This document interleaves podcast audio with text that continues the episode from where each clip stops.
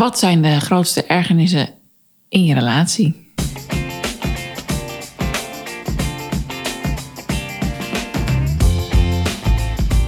Hey, fijn dat je luistert naar de Scheidpodcast. Ik ben Carly Timmerman van Bureau Carbon, host voor gezinsvriendelijk scheiden. En ik ben Anneke de Groot, bedenker van gezinsvriendelijk scheiden en de grote vriendelijke bemoeial voor alle gezinnen. We nemen je mee in de wereld van fabels, feiten, statements en informatie als het gaat over scheidingen of uit elkaar gaan. Welkom.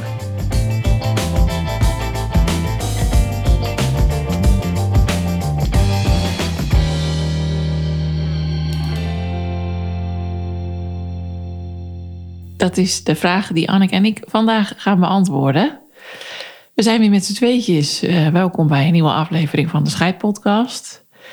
Het is hoogzomer en uh, Anne zit er stralend bij, moet ik zeggen. Dankjewel. En, uh, nou, jij ook. Ja, nou dank. Nou ja, dit, ik kijk erg uit naar deze aflevering. Ik vind het altijd erg leuk om over ergernissen te praten. Een beetje klagen. dat zit toch wel in mijn natuur. Ja, oké. Nou, dan vind ik dat jij helemaal gek mag klagen vandaag. Oh, lekker. Ja, ga maar los gewoon. Goed, dus de ergernissen, Anne. Ja, de ergernissen. Uh, nou, wat ik natuurlijk ontzettend grappig vond, dat ik jou dan een appje stuur. Joh, Carly, we gaan een eentje doen over ergernissen binnen de relatie. Ik heb een top 3. En dan zeg jij, ja, top 3, ik heb wel een top 10. Dus ik heb toch even een lijstje gemaakt voor mezelf. Nou, dan kom ik er wel snel op vijf, die ik gewoon altijd terughoor hier in de luisterkamer, zeg maar. Oh, jij hebt het algemeen gehouden. Het gaat helemaal niet over jou en Rob. Nee, Rob en ik hebben natuurlijk geen ergernissen. Nee. ja, ja. Nee, kom je daar door bij, Carly? Nee, natuurlijk hebben wij die ook. Maar niet over deze onderwerpen volgens mij, die hierop staan. Nee. Nou ja, één wel, de communicatie. Ja, precies. Die staat op één. Ja. En ik dacht wel van, ja, al schrijf ik 15 onderwerpen op die hier regelmatig voorbij komen dan merken we ook tijdens de gesprekken, ze komen altijd terug op de communicatie en de verwachtingen. Ach, daar zijn ze weer. ja. ja. Ja, dus die blijft voorbij komen. Dus ik heb even een top 5 gemaakt. En één heb ik communicatie. Twee, mijn man praat niet. Oh ja. Sorry dames, maar dat hoor ik zo vaak. Ik denk voor elke keer dat ik die heb gehoord en als ik daar een euro voor had gekregen, oh, was ik schat hemeltje rijk geweest. Seks, dat is wel een ding in de relatie. De telefoon. Oh, vind ik een hele goeie. Oh, en geld. Terwijl ik daarvan echt wel moet zeggen dat ik daar het minste over hoor hier. In ieder geval in de luisterkamer. Ja, jij hoort natuurlijk nogal wat relaties voorbij komen. Ja, ja behoorlijk wat, ja. ja. ja. Dus ik denk, waar gaan we mee beginnen? Nou, misschien dan van onder naar boven. Dat we beginnen bij geld. Uh, ja. Uh, als het hier gaat over geld, dan is het vaak de angst uh, van degene die het minste inkomen heeft. Ja. Van hoe ziet mijn inkomen eruit na de scheiding? Nou, dat is een zorg die ze eigenlijk allebei hebben. Want degene die heel veel verdient, die wil dat ook zo houden. Ja. Die wil zeker na de scheiding niet een inkomen delen. Liefst ook niet het spaargeld als dat er is. Dus dan kom je eigenlijk terug op de geldscript, zoals we dat met uh, Anne Abbenes wel eens hebben besproken. Hoe werkt dat nu bij die partners? En dan zou je echt eerst uit moeten vragen van... joh, maar wat betekent geld nu voor jou? Ja. Kijken, wat, wat heb je nodig? En hebben ze überhaupt met elkaar weer... komen we weer op die communicatie gelijk... het gesprek overgevoerd? Ooit in hun leven. Ja, ooit. Ja. Wat zijn ook daarin de verwachtingen? De een die geeft misschien zijn hele salaris... Uh, ja, op de eerste van de maand al uit... Ja. En terwijl de ander denkt, nee, ik heb dit, zoveel doelen en daar moet wat heen en daar moet wat heen. En ja, dus daar zit altijd verschil in. Maar het gaat 9 van de 10 keer merk ik wel, als we het hebben over geld en de toekomst, over angst. Ja, en dus ook denk ik wel een angst om daar met elkaar over te praten. Er hangt natuurlijk toch nog steeds wel een taboe rondom geld. Vind ik zelf, merk ik vaak. En dat is, nou ja, dat klopt ook absoluut. Want dat merk je ook al bij vrienden of wat dan ook. Niemand weet van elkaar wat, we verdienen. Precies verdienen, ja. En als dat dat niet bespreekbaar is, hoe kan je dan je kinderen leren hoe je daarmee omgaat en hoe dat werkt met een uitgavenpatroon? Ja. Dus dat laten we al achterwege. Ja, wat, wat daar dan de hele achterliggende reden van is dat daar nog zo'n taboe op is, dat weet ik niet zo heel erg goed. Of dat een traditioneel oud rollenpatroon is van ja, maar de man heeft het voor het zeggen, de man die verdient. Nee, ik- dat weet ik gewoon niet. Ik merk wel ook hier in de gesprekken dat er ja, eigenlijk bijna nooit inzage is in wat de ene partner verdient of de andere partner. Ja. Dat blijf ik bijzonder vinden. Ja, dat snap ik, ja. Ja, dat is, ja. En Hoe is dat bij jou en Rob? Ja, wij, wij weten alles van elkaar. Ik doe de administratie. Dat is van begin af aan zo geweest. Eh, maar goed, Rob noemt mij ook altijd de boekhouder van de maffia. En eh, dus dat klopt ook wel. Ja, ik ben ook daarin best wel strenger dan dat Rob is. Ik heb wel van, jongens, dit is ons inkomen. Wat willen we? Hebben we spaardoelen? Ik ben nu bijvoorbeeld al aan het sparen voordat het huis weer geverfd moet worden. Ja, daar leg ik elke maand dan al wat van weg. Ja. En dat hoeft dan niet elke maand 500 euro te zijn, maar bij wijze van spreken 100 euro. Ja. Elke maand spaar ik al voor een nieuwe auto. En ja, dat zit zo in mijn systeem. Dat heb ik, ja, als kind deed ik dat al met mijn zakgeld. Ja, precies. Ja, Ja. ja. dus ik weet echt niet beter. En ja, ik zou ook niet weten van wie ik dat heb, als ik heel eerlijk ben. Maar ja, Ja, Ik denk dat je het ook aan jezelf kan leren als je eh, jong bent. Dat je op een gegeven moment merkt van oké, ik krijg, weet ik veel, eh, 80 euro kleedgeld of zo. Ja, ik had dat ook. Dat ik dan dacht, ja, ik wil die jas, maar die is 150. Ja, dan had ik toch twee maanden moeten sparen. Anders dan eh, lukt het niet. ja, ja. Maar ja, dat, ja, er zijn ook natuurlijk genoeg mensen die tegen hun kinderen zeggen: Dit is je kleedgeld. En dan toch ineens nog 100 euro bijlappen of zo. Dan denk ik, ja, dit is natuurlijk Ja. niet super handig. Want dan, Nee, dat, dat is wel ook waar vaak de strijd over gaat. Inderdaad, over het zak- en kleedgeld van de kinderen. ja, En dan met name dat de een daar heel makkelijk in is. Ja. En oh, tikkie, oh ja, nou wil je lunch, wil je broodje kopen? Ja, doe maar. Hè. Dus ze weten ook niet beter bijna meer, die jongeren... dat alles kan je gewoon kopen, Kopen, wat je wil. ja. En gelijk, nu. En dat geeft zeker later geeft dat enorm veel problemen. En dat is wat we nu dus ook zien. Nu krijgen we de hele generatie van de studenten... met enorme schulden. ja, En niet alleen omdat het leenstelsel is veranderd, eh, ook omdat zij zo gewend zijn en dat het zo gewoon is dat je alles maar kan kopen wat je wil. ja, En ja, dat is natuurlijk ook de hele consumptiemaatschappij die we hebben ontwikkeld met elkaar. Dus voor hun wordt het wel steeds lastiger om om te gaan. Wat is eh, je inkomen? Wat geef Ja. je uit? Ze hebben het ook niet meer in hun handen. Alles gaat digitaal. Ja. Ze hebben geen idee. Ze hebben geen idee of ze abonnementen hebben afgesloten. Ja, dus zowel ehm, denk ik als we kijken als partners... eh, kunnen ze daar ruzie over hebben van... eh, nou, ik ben het niet eens hoe jij ermee omgaat. De angst voor de toekomst speelt een rol. En hoe ze daarmee omgaan richting hun kinderen... is bijna altijd verschillend. ja. Ja, Ja, interessant wel. Ja, nou, ik denk dat we zo eh, geld wel hebben afgekaart, hè? ja, ja dat vind ik wel. Ja, dan eh, meteen door naar de telefoon. Vond die op vier? Ja, ja, Nou, hier kan ik echt een boek over schrijven, dus eh, begin maar. ja. Nou ja, dat is natuurlijk wel heel vervelend... want we zien het allemaal om ons heen. Ja, als je ergens zit, eh, iedereen zit op zijn telefoon. Mensen hebben geen gesprekken meer met elkaar, er is geen verbinding meer. En dat is wat ik hier ook altijd terug hoor. Ja, maar je zit de hele avond op je telefoon. Dus dan heb ik daarna, dan komen we gelijk ook bij drie, heb ik geen zin meer in seks. oh ja. Oh, Want er is nul verbinding. eh, je hebt helemaal geen aandacht voor me. Ik voel me helemaal geen onderdeel hè, van onze relatie. En dat is wel, denk ik. Eva Fabius zegt dat ook altijd zo mooi. Of je investeert of je vertrekt in een relatie. En daar geloof ik zelf ook heilig in. Je kan maar één ding doen. Of je bent aan het investeren om te kijken van, eh, nou, hoe gaan wij het naar ons zin hebben met elkaar? Wat kan ik daaraan doen en wat kan jij daaraan doen? Of je bent aan het vertrekken. En ik vind niet dat je alleen aan het vertrekken bent op het moment dat je een affaire hebt. Ik vind dat je ook aan het vertrekken bent op het moment dat jij alleen maar op je telefoon zit. En als je samen op de bank zit en je partner zit misschien een boek te lezen, eh, nou, dan zou je het over het boek kunnen hebben. Als jij op je e-reader zit en je leest allebei een boek, dan voel je nog die verbinding met elkaar. Omdat dat is wat je allebei leuk vindt om te doen. Maar Ja. op het moment dat je samen op de bank zit en een van de twee zit alleen maar op zijn telefoon, En alleen maar scrollen en doen.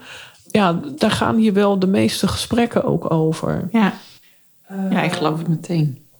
Ja, en ik denk ook daarin, wat maakt dan dat jullie daar geen afspraken over maken? En ook om het je kinderen mee te geven. Hè? Dat die telefoon is niet heilig. Ik weet dat ik hier ooit een stel had en ehm, toen zei hij ook, ja, hij zegt, ik zit wel eh, drie uur op mijn telefoon s'avonds en soms wel vier uur. En toen zei ik, oké, ik zou me stel dat je het tien minuten doet en je zou gewoon daarna fantastische seks hebben, hoe is het dan? En toen moest hij heel erg lachen. En ik zeg, maar vertel mij dan. Ik zeg, nou, gisteravond heb je op je telefoon gezeten? Ja, ik heb op mijn telefoon gezeten. Hoe lang? Ja, als ik eerlijk ben, nou, ik denk wel drie uur. Ik zeg, oké, drie uur. Drie uur ben je bezig met iets voor jezelf. Ik zeg, en jouw vrouw zit naast je op de bank. Ja. Nou, ik zeg, vertel maar. Drie uur lang. Ik zeg, nou ja, ik zeg, ik denk dat je dan zeker nu wel een uur mijn tijd kan vullen om te vertellen wat je allemaal hebt gelezen. En gezien. En hoe was het? En hoeveel indruk heeft het gemaakt? En hij viel echt helemaal stil. Ja. Ja, nee, ja, hij zei in, in, twee minuten kan ik dat wel vertellen. Dat ik wat filmpjes gezien heb en uh, wat appjes gelezen. Nog wat e-mail van mijn werk. En uh, ja, dat is het. Ik zei, heb je drie uur voor nodig gehad? Ja, het is echt vreselijk. Ik zeg, op dat moment ben je dus echt aan het vertrekken uit de relatie. Ja. Dus je zegt eigenlijk tegen haar van... joh, jij doet er nu even niet toe. Want dit vind ik veel belangrijker. Ja. En ik denk dat we het soms ook eng vinden... om daar ook het gesprek over aan te gaan. En om te zeggen, uh, hoe gaan we dit met elkaar oplossen? Ja. En je hoeft niet in één keer te zeggen... jongens, zeven dagen geen telefoon. Dat is absoluut niet wat de bedoeling daarvan is. Ik denk wel dat je tegen elkaar kan zeggen: waar gaan we beginnen? Ja. Daar gaat het over. En begin klein. Begin gewoon met stapjes om ook daarin een gewoonte te ontwikkelen. Wij hebben altijd gezegd: tijdens het eten alle telefoons weg. Nog steeds. En nou, dat vind ik gewoon heel prettig.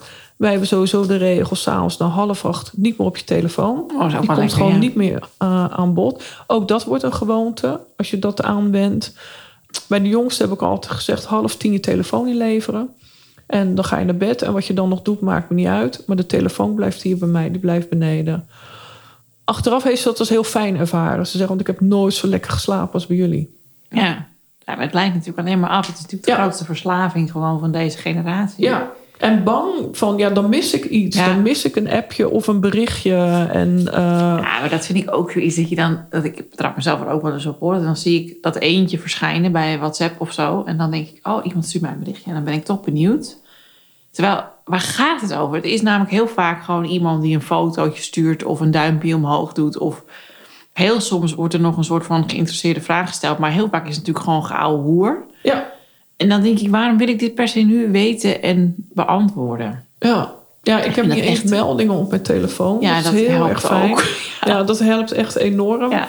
ja, en ik doe het s'morgens even en uh, eind van de dag eventjes. En dan vind ik het alweer meer dan voldoende, als ik heel eerlijk ben. Ja. Omdat er nog zoveel andere dingen zijn die ik heel erg leuk vind. En ik vind mijn man gewoon heel erg leuk. Dus ja, wij vinden het gewoon heerlijk om te kletsen. En ja, wij hebben ook altijd gesprekstof genoeg op de een of andere manier. Misschien ligt dat meer aan mij ook dan aan mijn man. Dat zou zomaar kunnen. Dus ja, ik denk maar begin ergens. Begin voor jezelf ook af te vragen van waar hecht je meer waarde aan? Wat is voor jou belangrijker? Ja, ja als je ook gewoon, tenminste in mijn leven, ook als ik om me heen kijk. Ik ben, doe er zelf af en toe ook aan mee hoor. Het is echt niet dat ik uh, een heilig boontje ben. Maar soms ook met vrienden of bij familie. Dat gewoon de helft van zo'n tafel op zijn telefoon ziet. Dat ik dan echt denk, jongens, wat zijn we nou aan het doen? Wat is dit nou? Waarom zijn we dan sowieso bij elkaar? Ja. En dan hoor je heel vaak, ja, maar ik wil foto's kunnen maken. Ik wil een filmpje kunnen maken. Want misschien gebeurt er wel iets leuks. Dan denk ik, ja, ik snap dat wel. Want ik heb dat, daarom heb ik dat ding ook vaak bij. Maar dan denk ik, oh, grappig fotootje van, van Jet, van mijn dochter. Maar eigenlijk is dat natuurlijk ook gewoon helemaal verknipt. Want hoe vaak kijk je die foto dan weer terug? Ja, die deel je dan eventjes weer via dat stomme WhatsApp. En dan krijg je allemaal weer duimpjes en hartjes en hahaha. En dan is het weer klaar met die foto. Dan denk ik, ja, echt, Ja, ja, ik vind het echt een heel, is ingewikkeld iets. De, drang noem ik het bijna. Hè? Want ik vind het geen verlangen of noodzaak. Ik vind het echt de drang eh, om te delen. Ja, dat is ook nog wel iets, ja. Ja, da- daar ben ik. Ik heb dat zelf gewoon niet. Ik, ik herken dat niet, omdat ik het gewoon zelf wil beleven.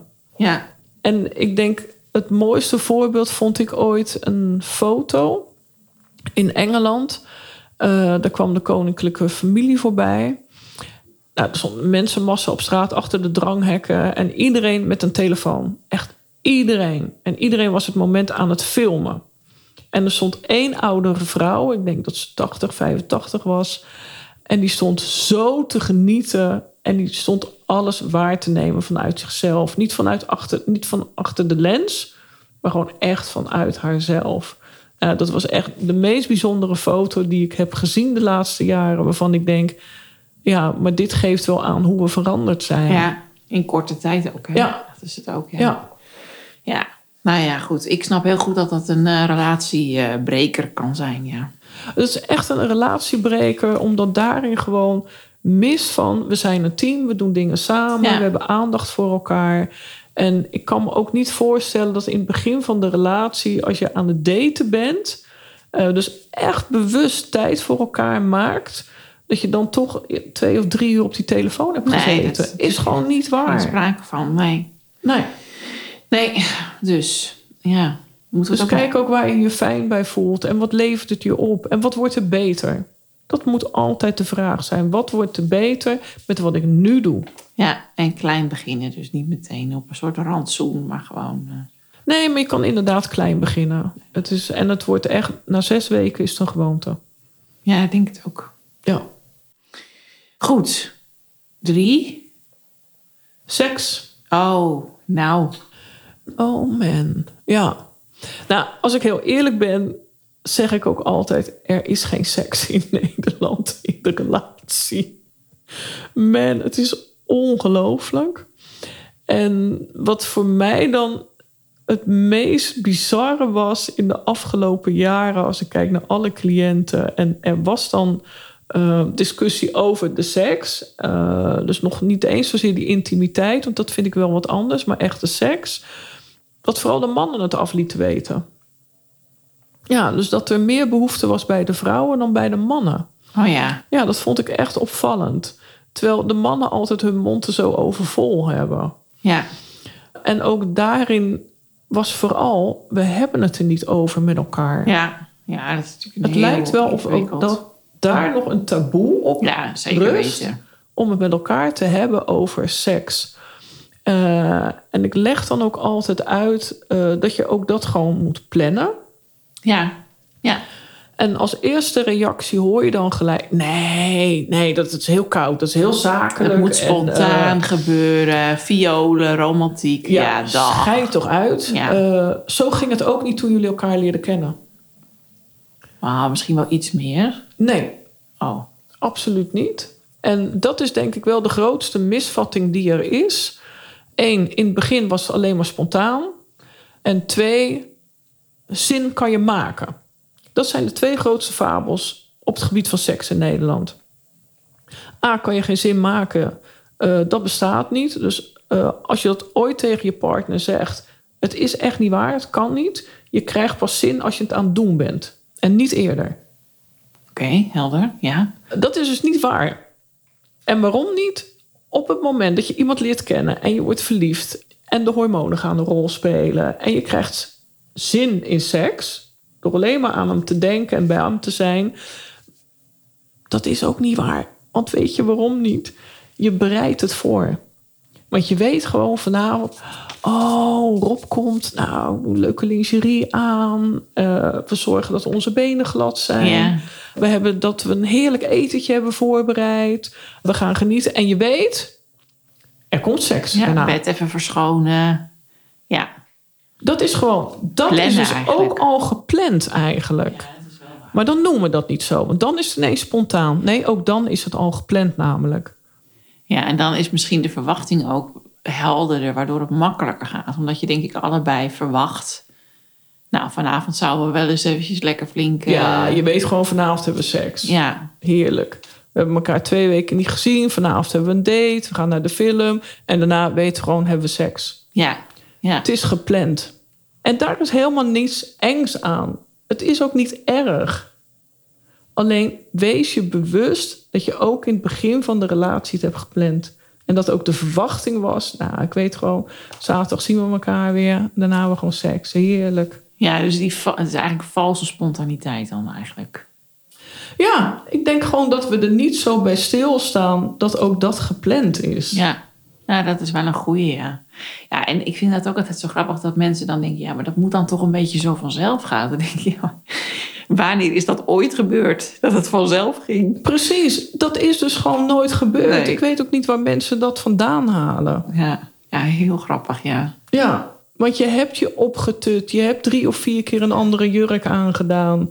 Nou, doe ik de blauwe schoenen erbij of wit. Nou, nog even een andere paar schoenen proberen. Ja. Je hebt er heel veel moeite voor gedaan. Ja, Je hebt je huis opgeruimd. Je hebt eh, boodschappen gehaald. Je hebt lekker eten gemaakt. ja.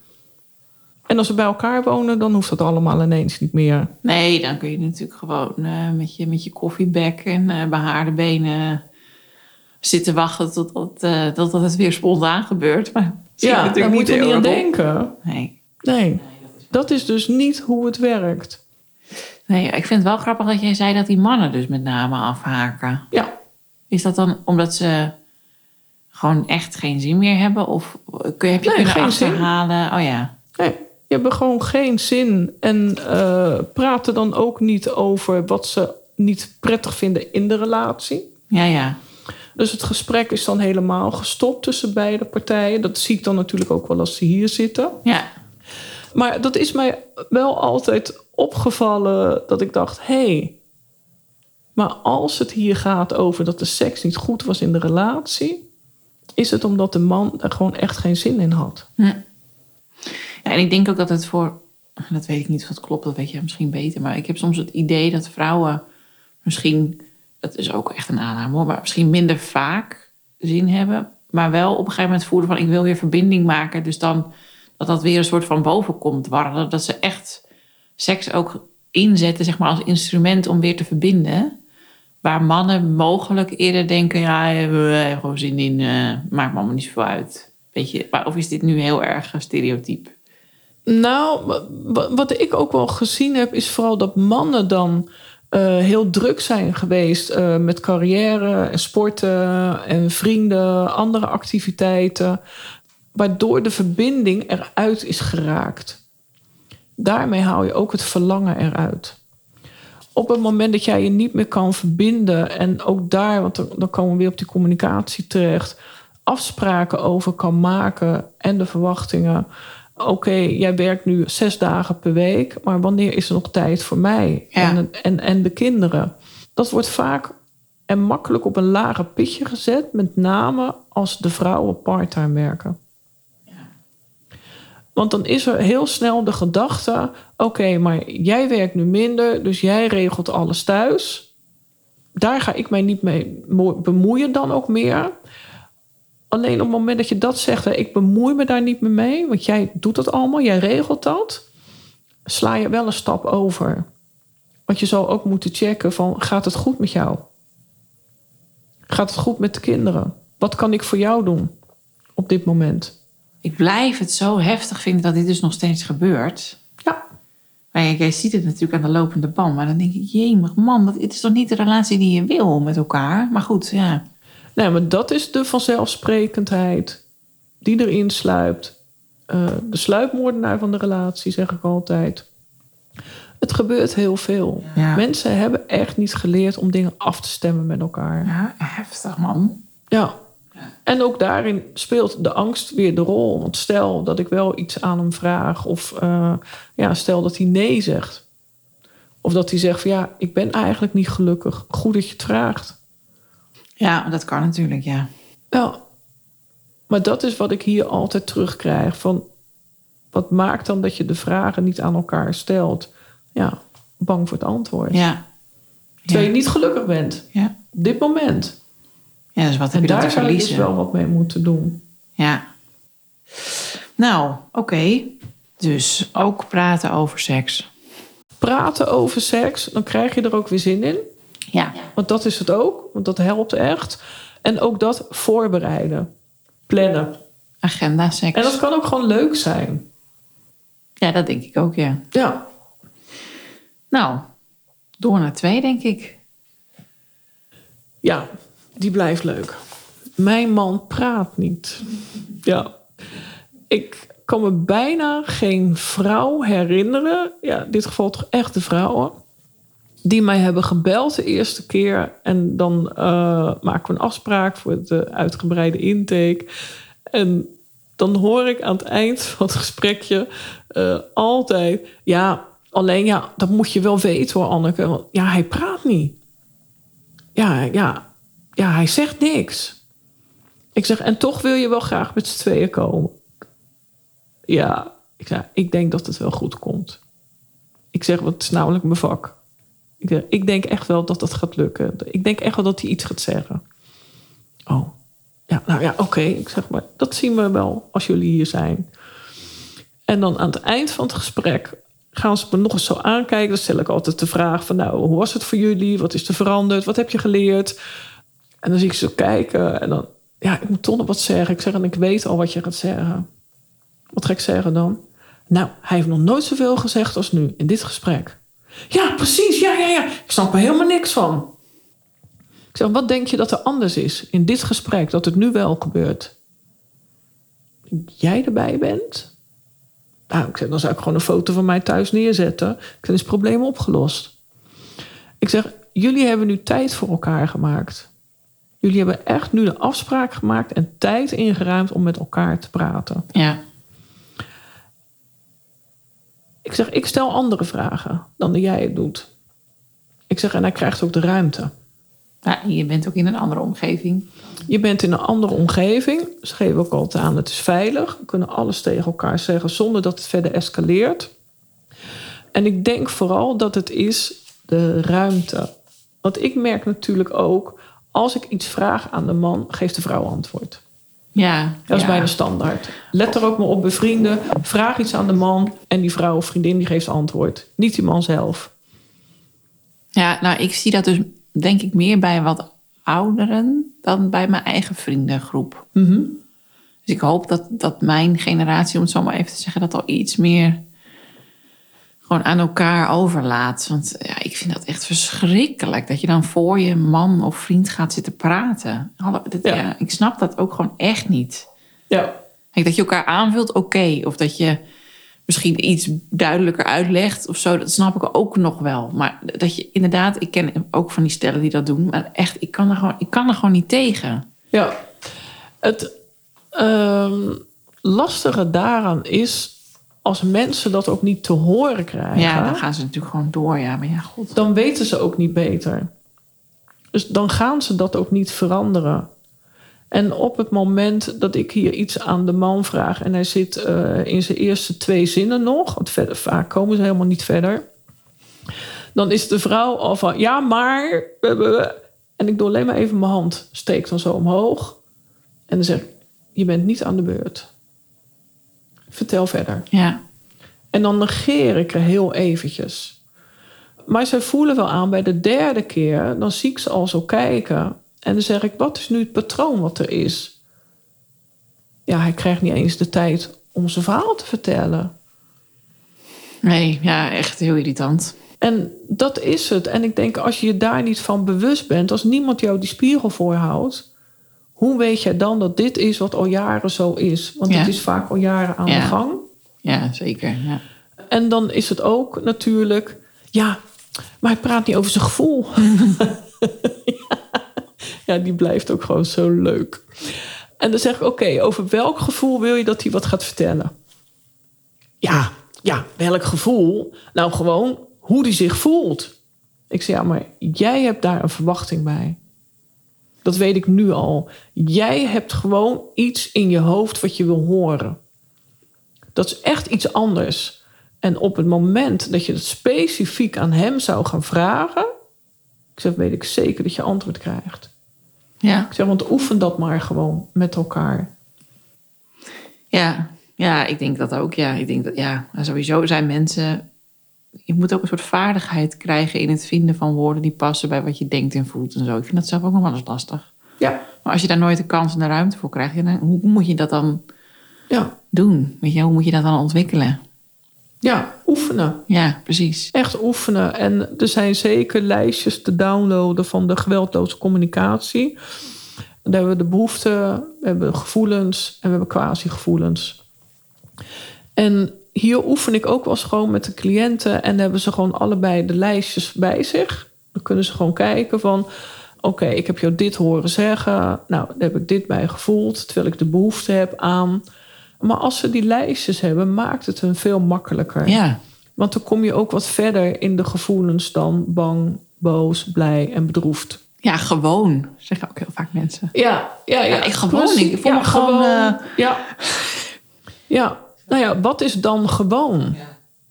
Wat wil je horen? Waar, waar wil je dat het gesprek over gaat? Want het gaat om het verlangen van de ander. Ja, Dus ja, je zal aan moeten geven van, maar wat is jouw behoefte op dit moment? ja, Waar moet volgens jou het gesprek over gaan? Stel die specifieke vraag, want daar gaat het over. ja.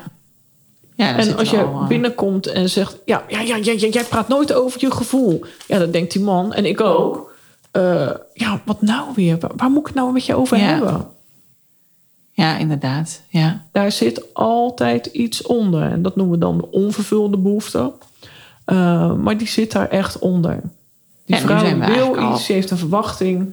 ja precies. Maar nu zitten we eigenlijk al gewoon bij hartstikke bijeen. Want dit is gewoon communicatie natuurlijk. Ja. Ja. Ja. Ja, en ik denk ook wel eens als vrouwen zeggen... ja, maar een man praat niet, denk ik... ja, waarschijnlijk praat jij dan dus te veel. Maar dat is eh, Aanname. een aanname zoals... Ja. ja. Ja. En ook dit is wat we gewoon niet leren op school. Hoe ga je in gesprek met elkaar? En vooral, hoe kan je achteroverleunen? Ja, En de ander iets laten vertellen. echt even En luisteren. dat oefenen we hier ook gewoon. Nou, vertel een verhaal. Jij blijft zitten, je leunt achterover. Voeten op de grond. Handen gewoon wijd, gewoon naast je of op de leuning. Even gewoon echt een open houding. Alleen luisteren. is lastig hè, voor veel mensen. Het is heel lastig, want op het moment dat ik daarna vraag van wil je samenvatten wat hij heeft verteld, komt er een heel ander verhaal. Ja. ja. En dan zeg ik, oh wat grappig, want ik heb het niet gehoord. Ja, ja, maar volgens mij, eh, nou Ja, dan komen de invulling alweer, de aannames. Ja. En zij heeft er alweer een ander verhaal van gemaakt. Eh, ik zeg, oké, maar terug dan. Checken, is dit wat je hebt gezegd? Ja.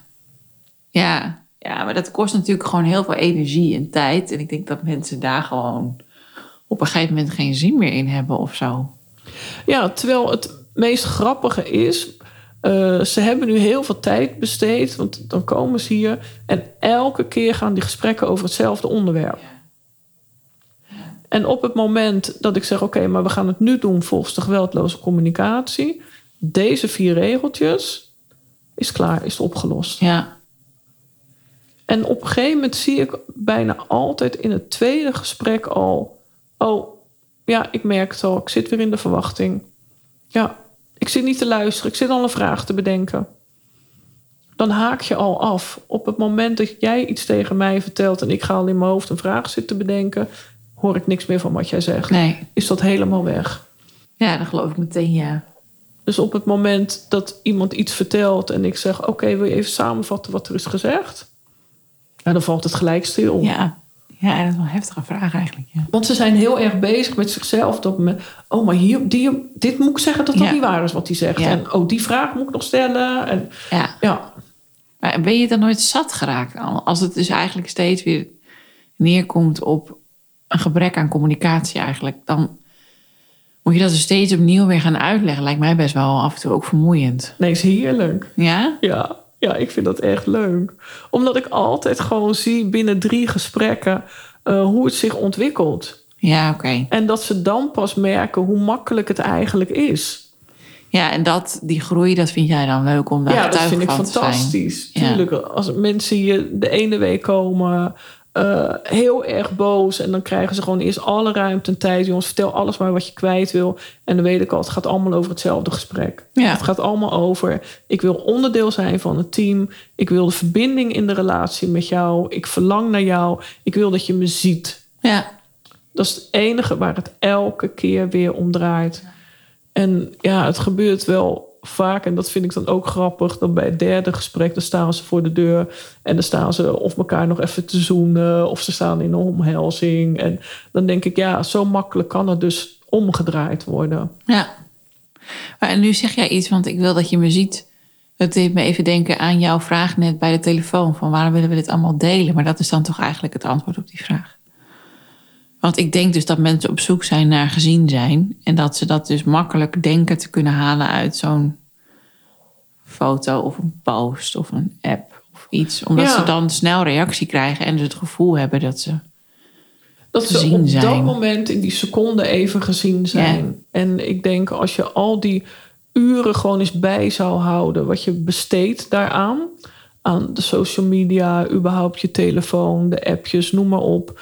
En je zou dat om gaan buigen naar één gesprek per week met iemand en daar gewoon koffie mee drinken en kletsen, dat je daar tien keer meer uithaalt. En ik denk dat dat vroeger ook veel meer gebeurde. En ik, ik zie dat trouwens hier ook wel in dat dorp gebeuren. Dat veel meer mensen elkaar gewoon even opzoeken. Even een kop koffie bij elkaar drinken. Mensen woonden vroeger natuurlijk ook veel dichter bij elkaar. Hè? Ja. Dat, dat is allemaal verspreid geraakt. Dus iedereen had zijn netwerk. Ik weet bijvoorbeeld, mijn moeder had elke week met haar zussen op woensdagochtend eh, gewoon dat ze koffie dronken met elkaar. Maar dan kon je natuurlijk ook uit is, hey, hoe gaat het nou met jou en wat doe jij? Hoe los jij dat op? Ja. En je had elke week steun. Ja, En dat is wat we wel zijn kwijtgeraakt. Want we zitten liever drie uur op ons telefoon s'avonds. geïsoleerd en wel. Precies. eh, dan dat we zeggen: Oké, hup. Ik pak even de auto en ik ga bij die even een bak koffie halen. Ja. ja, het is ook veel leuk. Ik had gisteren ook, zat ik weer eens in de trein. Dat is, vind ik ook altijd verschrikkelijk eigenlijk om te zien hoe veel mensen daar dan alleen maar op die telefoon Ja. zitten. En ik doe het zelf ook, hè, want dat is ook wel een moment dat ik denk, oké, nu kan ik even zonder schaamte soort van voor mensen om me heen dat doen, want ik ken hier toch niemand, dus dan kan ik even lekker ongegeneerd allemaal. eh.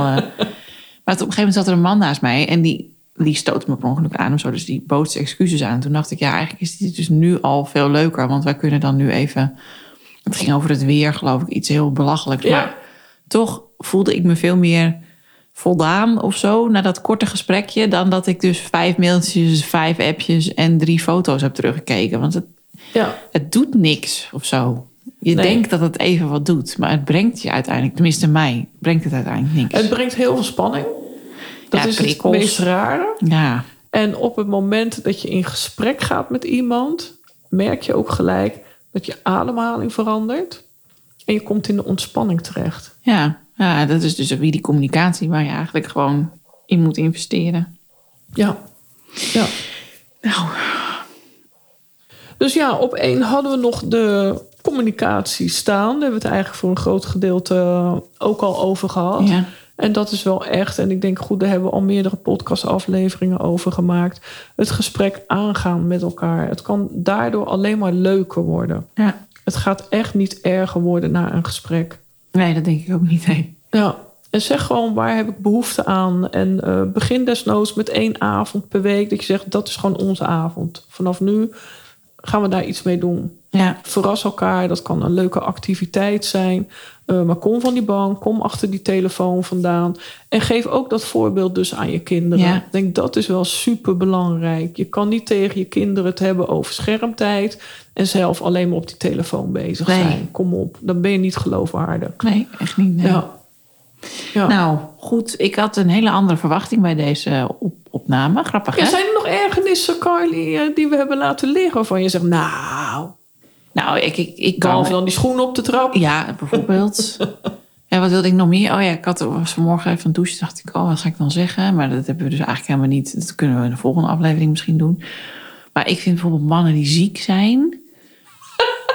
daar vind ik ook wel wat van. Maar dat is misschien niet voor nu. Oh. Laten we daar een aparte aflevering over opnemen. Nou, ik denk, denk daar zijn we zomaar klaar. Maar vertel, wat, wat vind je daar eh, vervelend aan? Ja, ik eh, kan daar gewoon niet zo goed eh, mee omgaan.